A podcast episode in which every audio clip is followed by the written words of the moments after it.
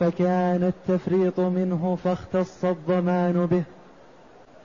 قول المؤلف رحمه الله تعالى وإن بلغت الثمرة أو الزرع أوان الحصاد أو الجذاذ تقدم الكلام على وضع الجوائح.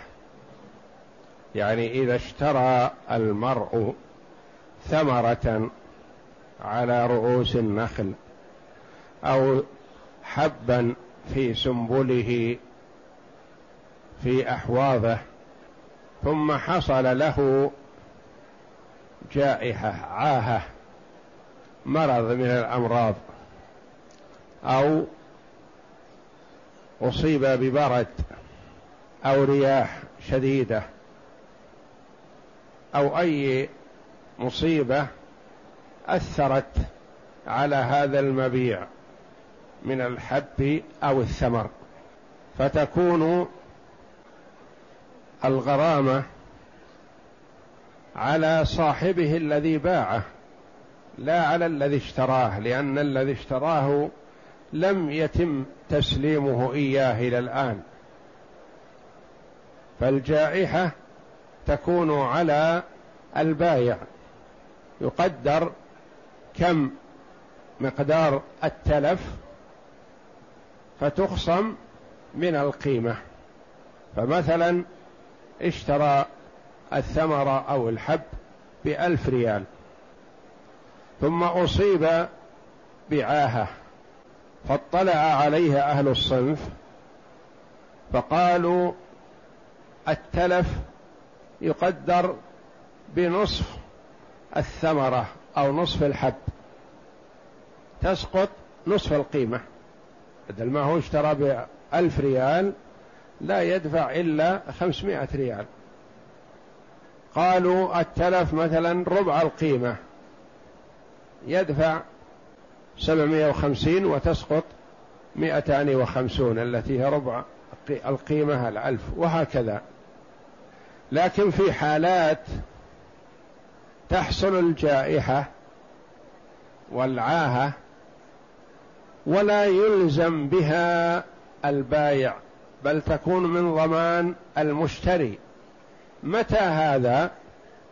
إذا صار وقت الجذاذ جذاذ الثمر الذي على النخل أو وقت الحصاد فأخره المشتري. الجذاذ مثلا والناس بدأوا يجذون نخيلهم في شهر محرم. والغالب مثلا أنه في نهاية محرم ما يبقى شيء. كل جذ نخله هذا الرجل قال لا خلوه وتركه إلى خمسة عشر صفر مثلا.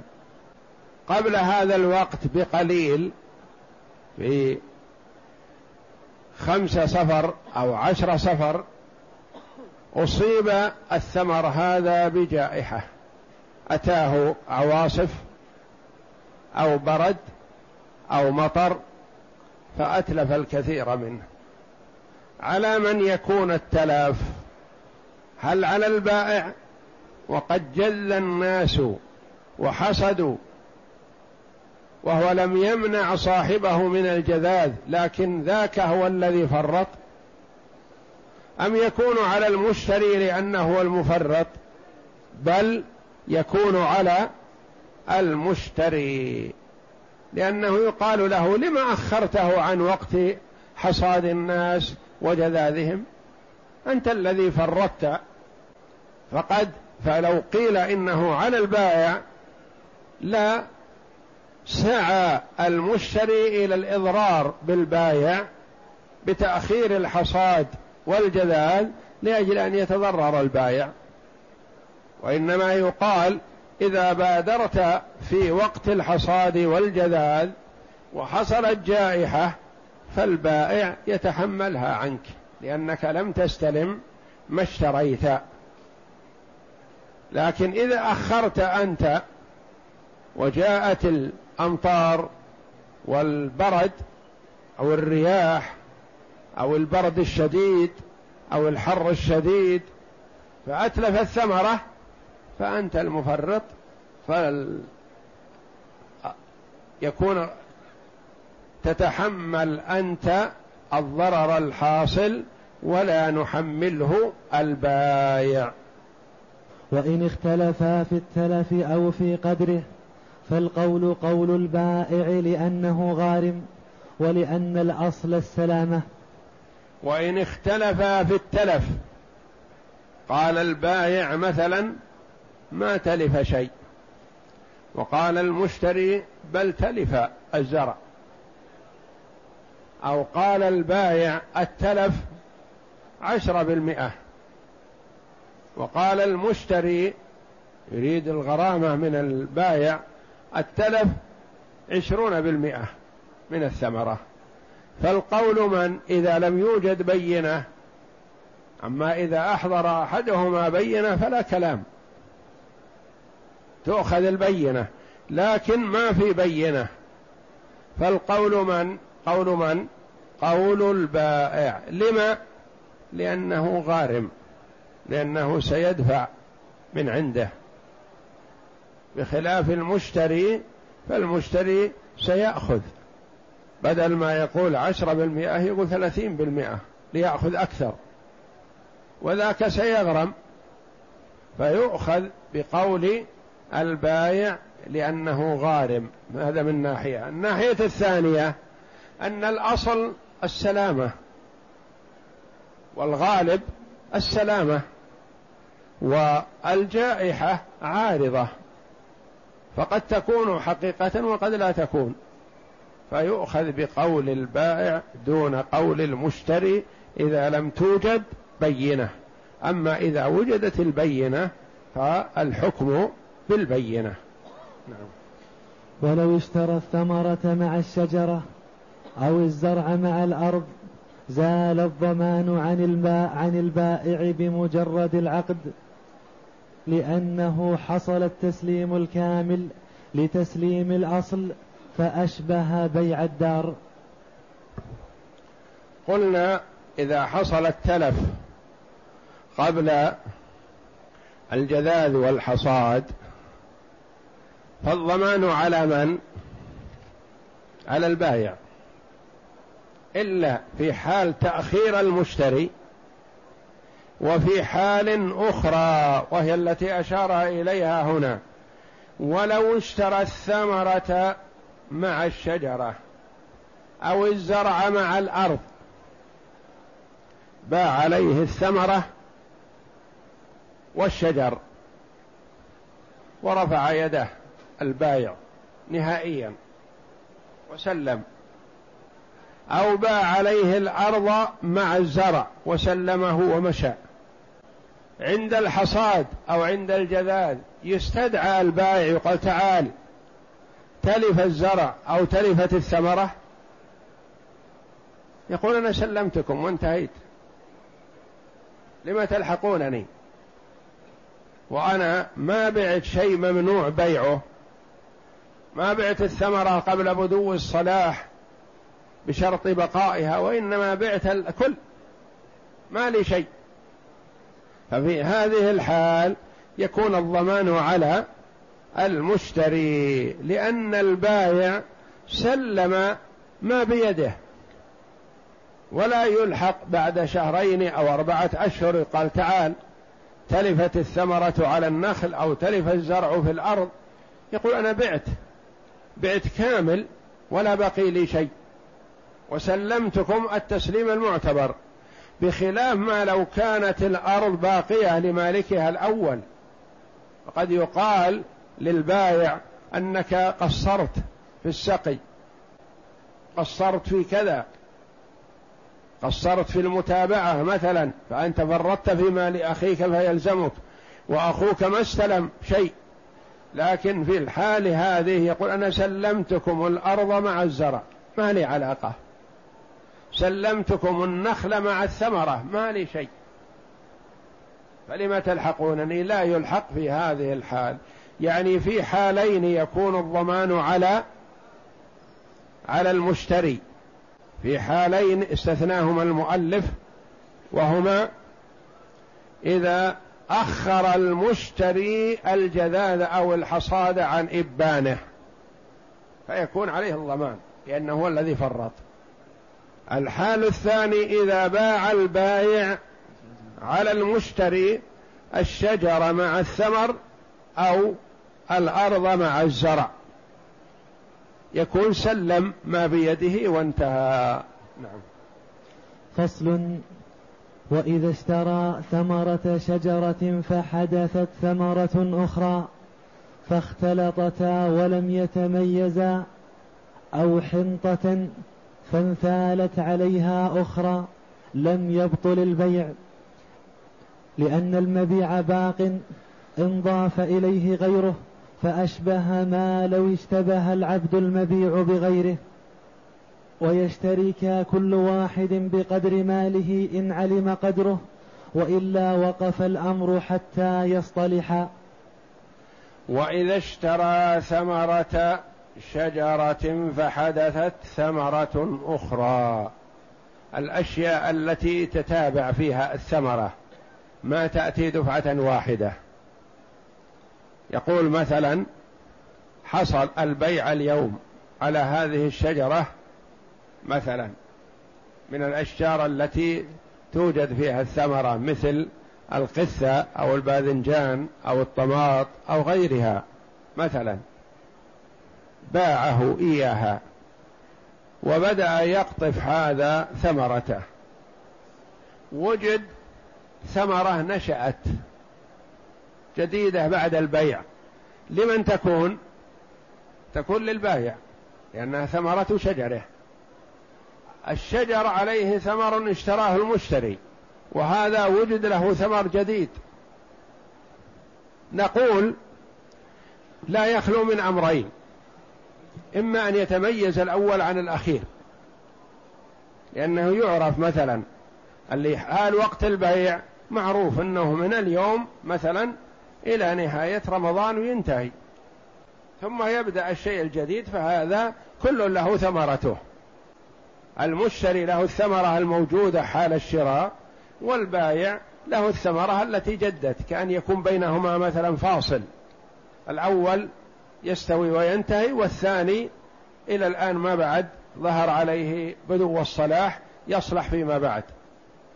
فكل له ثمرته. الحالة الثانية أن تكون بالتتابع تمشي معها.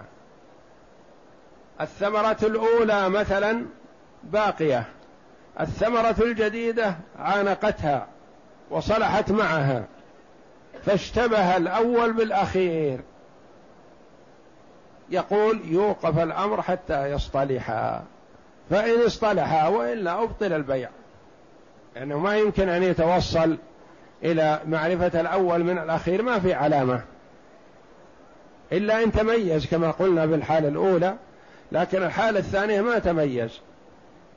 صلحت الثمرة الثانية مع وجود الثمرة الأولى واختلطتا.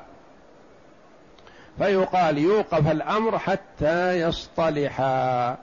فإن لم يصطلحا بطل البيع. ويحتمل أن يبطل العقد لتعذر تسليم المستحق فأشبه تلف المبيع. ويحتمل قال بعض العلماء إنه يبطل إذا اشتبه الأمر يبطل. ولو اصطلحا يقول يبطل لأنه يتعذر تسليم المبيع الأول بدون زيادة ولا نقص. لأنه اشتبه الأول بالأخير فيتعذر تمييزهما فيبطل العقد. نعم. ولو باع الأصل وعليه ثمرة له فحدثت للمشتري ثمرة اختلطت بها لم يبطل العقد لأن المبيع هو الشجرة ولم يختلط بغيره ويشتركا في الثمرة كما بينا. لو باع الشجر مثلا وعليه ثمر لمن؟ الثمر للبايع. ثم حدث ثمرة أخرى في الشجر هذه بلا شك تكون للمشتري لأنها ثمرة شجرة. فمثل ما تقدم إن تميز فلكل وإن لم يتميز فيبقى حتى يصطلح ولا يبطل العقد. لأن العقد الأول كان على الشجر ولا دخل له في الثمر. وإنما يصطلحان على الثمرة التي جدت. وتقدمت عبارة قوله أو حنطة فانثالت عليها أخرى. مثل لو باع مثلا زبرة من الحنطة وبجوارها زبر أخرى مثلا فاختلطت هذه بهذا اختلطت المبيعة بما هو ملك للبائع الأول. فكذلك يشتركان في القيمة في بيع ما بأيديهم فإن لم يتميز نصيب كل واحد فيوقف حتى يصطلح أو يبطل العقد الأول. نعم. ولو باع ثمرة قبل بدو صلاحها بشرط القطع فتركها حتى بدا صلاحها أو جزة من الرطبة فطالت حيلة. فالعقد باطل من أصله نص عليه لأن الحيل لا تجوز في الدين وإن لم تكن حيلة ففيه روايتان إحداهما يبطل العقد يبطل البيع لأن التبقية لأن التبقية معنى حرم اشتراطه لحق الله تعالى فأبطل العقد حقيقة فأبطل العقد حقيقته كالنسيئة في الربويات. والثانية لا يبطل لأنها زيادة في عين المبيع فلم يبطل بها البيع كسمن العبد. ولو باع ثمرة قبل بدو صلاحها بشرط القطع. قلنا في بيع الثمرة قبل بدو صلاحها أحوال. إذا بيعت الثمرة قبل بدو صلاحها بشرط البقاء حتى بدو الصلاح. هذا ما حكم البيع؟ باطل لأن هذا مخالف للنص. باع الثمرة قبل بدو الصلاح بشرط القطع وقطع البيع صحيح لا إشكال فيه. باع ثمرة قبل بدو الصلاح ثم تحيل المشتري على البائع وتساهل أو اختفى عنه حتى بدا الصلاح. أو باع ثمرة بشرط القطع قبل بدو الصلاح ثم ما تمكن المشتري من قطعها بدون حيلة. يعني أحوال. هذا شيء منه باطل بالاتفاق. إذا اشتراه قبل بدو الصلاح بشرط البقاء. بشرط البقاء. هذا باطل. اشتراه قبل بدو الصلاح بشرط القطع فقطع. هذا صحيح. اشتراه بشرط القطع فتحيل على بقائه. اشتراه بشرط القطع فلم يتمكن له قطعه لعذر شرعي. هذه حالة حتى بدأ صلاحه. في الحالة الأولى بشرط البقاء هذه باطلة. بشرط القطع فقطع هذه صحيحة. بشرط القطع فتركه حيلة. فهذا غير صحيح. يبطل. لأنه تحيل على البايع. اختفى عنه حتى بدأ الصلاح. ولا يجوز للمسلم أن يتحيل على أمر محرم. كالذين يتحيلون على الربا.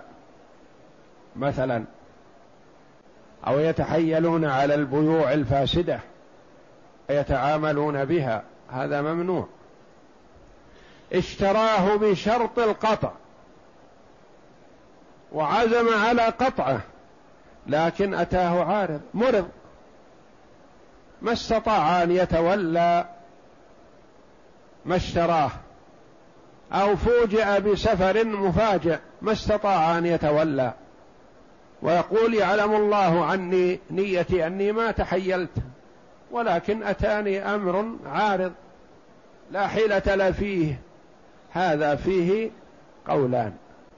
قيل يصح البيع لأن الرجل ما تحيل وما قصد الحيلة وعذره بين ظاهر وقيل لا يصح لأن المنع ليس لحق آدمي ينتظر سماحه. وإنما هذا المنع لحق الله جل وعلا مثل المنع من الربا. المنع من الربا لحق الله جل وعلا. المنع من الزنا لحق الله جل وعلا. إذا تصالح المترابيا المرابيان مثلا هل يصح الربا؟ لا محرم. وهم وهما ملعونان. إذا تصالح الزاني والمزني بها مثلا هل يحل؟ لأنهم ترابوا على هذا؟ لا. هذا محرم ممنوع لحق الله تعالى. فقالوا هذا مثله. إذا ترك حتى بدأ صلاحه وقد شرط عليه القطع فلم يقطعه وإن كان معذورا فالبيع فاسد باطل غير صحيح لأن بطلان العقد هذا لحق الله جل وعلا. مثل البيع نسيئه فيما لا يجوز. لو تصالح عليه البيع باطل. لأن الأشياء التي فيها حق الله جل وعلا ما ينظر الآدمي يسمح أو ما يسمح. إذا كان شيء لحقه هو كالقذف مثلا هذا حقه. يقال فلان قذفك. تريد أن نطلب منه البينة على ما قال فإن عجز أقمنا عليه الحد أو تسامحه. قال لا أسامحه أنا أسامحه. حسابه على الله وأنا أسامحه في الدنيا وأطلب حقي في الدار الآخرة عند الله. يسقط حينئذ الحد. لكن بيع نسيئة ما لا يجوز بيعه نسيئة هذا باطل ولو تصالح عليه. لأنه محرم من أجل أنه ربا قال القاضي والزيادة للمشتري لذلك. الزيادة عند من يقول إنه يصح ما دام أن التأخير لعذر فالزيادة تكون للبايع للمشتري لأنه نماء ماله ولا يتميز عن غيره. وعن أحمد أنهما يشتركان في الزيادة على كلتا الروايتين. رواية أخرى على أنهما يشتركان في الزيادة. مثلا يقال اشترى هذه الجزة. معروف الجزة مثلا خمسة عشر سنتي ارتفاع. الأوراق هذه التي تجز. تركها لا حيلة وإنما لعذر. ثم جاء ليجزها فإذا هي خمس وعشرين سنتي. البيع على خمسة عشر سنتي. الآن ارتفعت وزادت ونمت. فيقول الرواية الأخرى عن الإمام أحمد أنهما يشتركان. يكون لهذا خمسة عشر ولهذا عشرة. لهذا ثلاثة أخماس ولهذا خمسين. وهكذا. نعم. وعن أحمد أنهما يشتركان في الزيادة على كلتا الروايتين لحصولها في ملك المشتري بسبب الأصل الذي للبائع. وعنه يتصدقان بها.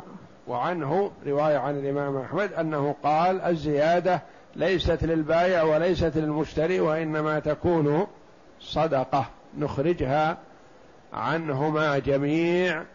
لأنه البائع لا يستحقها لأنها نمت بعد البيع والمشتري لا يستحقها لأنها نماء من أرض البايع ولا تتميز وإنما نخرجها صدقة لله مثل الأموال التي لا تحل لصاحبها مثل مثل المرابي أعطي فائدة ربوية.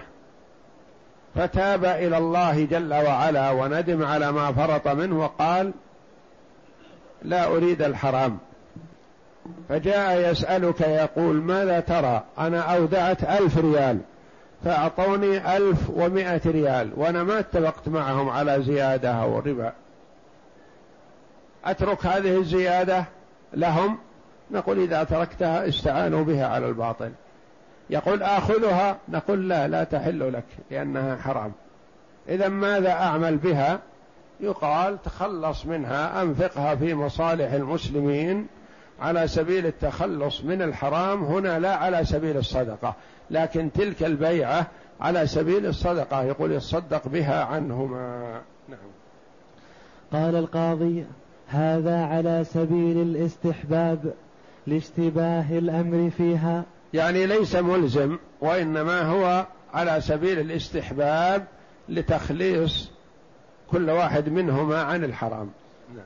فينظر كم قيمتها قبل بدو صلاحها وبعده فيشتركا فيها أو يتصدقان بها.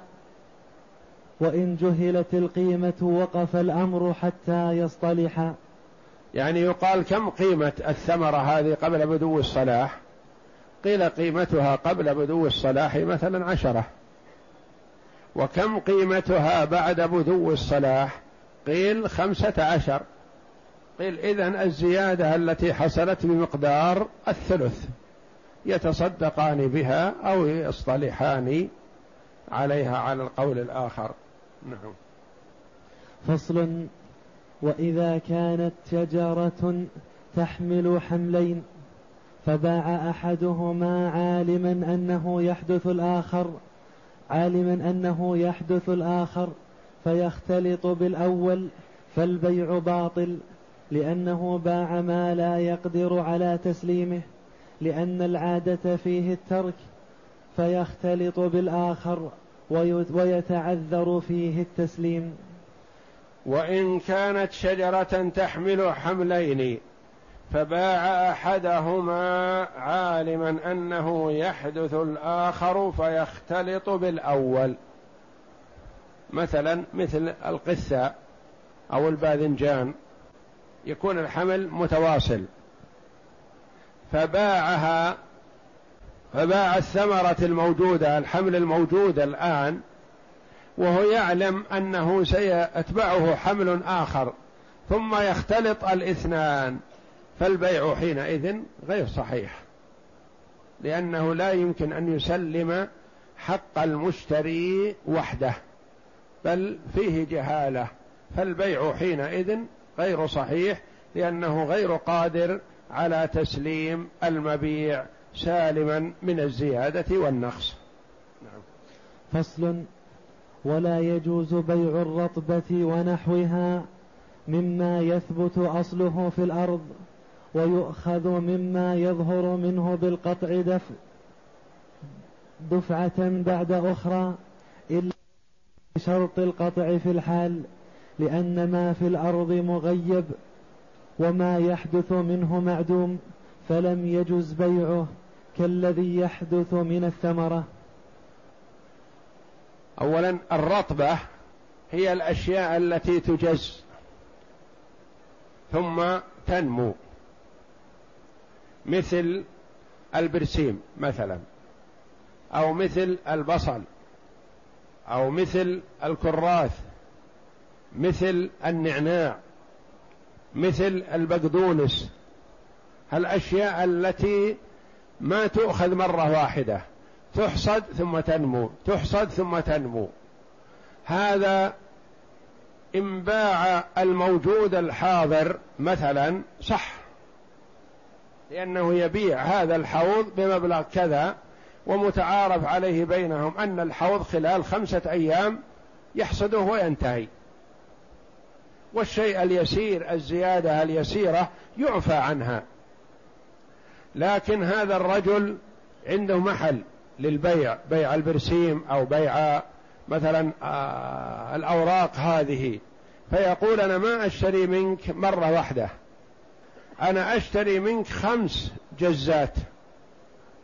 يعني خلال هذه السنة كلها. أنا أجز الحاضر هذا الآن ثم بعد شهرين أجزه مرة أخرى.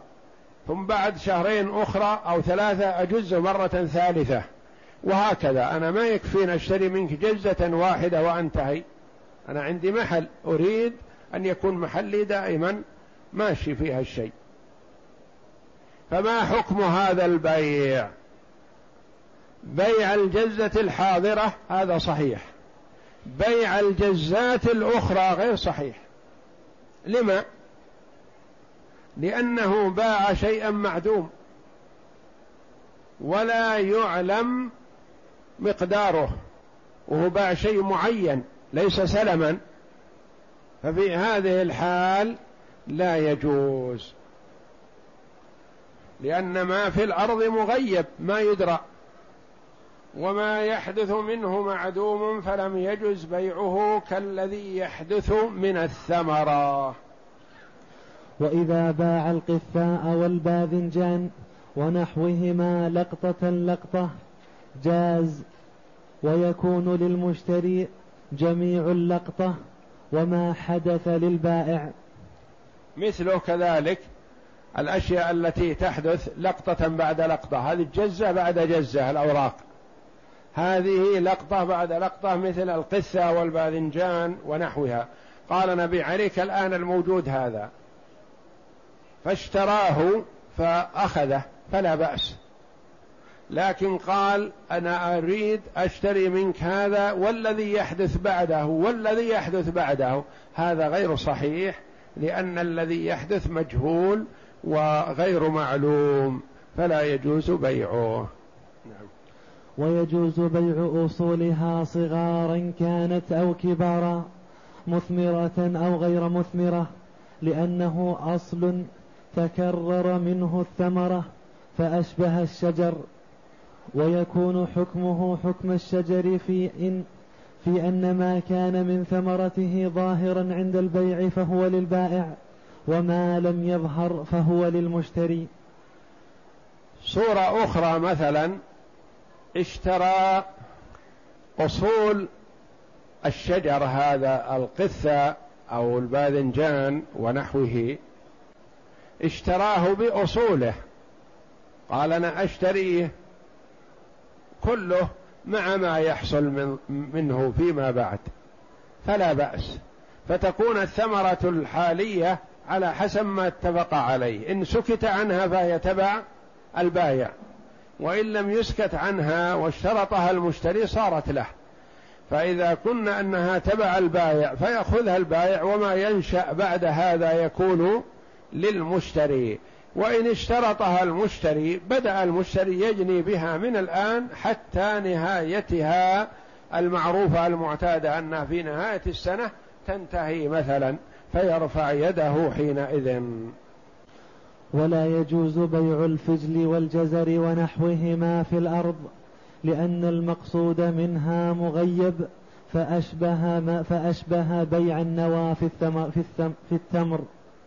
ولا يجوز بيع الفجل والجزر ومثله البصل والثوم إذا كان المراد مثلا الخفي ومثله البطاطس ونحوهما في الأرض لأن المقصود منها مغيب. قالوا هذه لا يجوز بيعها لأن المبيع مغيب. وما في شيء ظاهر. بخلاف البيت وأساساته قلنا أساسات البيت مغيبة لكنها تبع الأصل. لكن هذا المغيب هو نفسه المبيع. فالذي درج عليه المؤلف رحمه الله أنه لا يصح بيعه.